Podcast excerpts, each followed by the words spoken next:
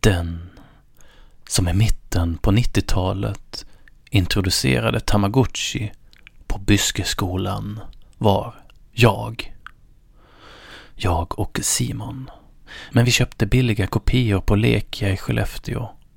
Snart var Byskebarnen upptagna med sina små skärmar där överpixliga dinosaurier bajsade ner sig och till slut dog. Om inte av vanvård så av hög ålder. Djuren pep på oss och lärarna störde sig på att de små liven måste matas på lektionstid. Ibland avled det stackars djuret.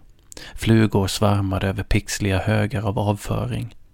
Då kände man sig som en sadist.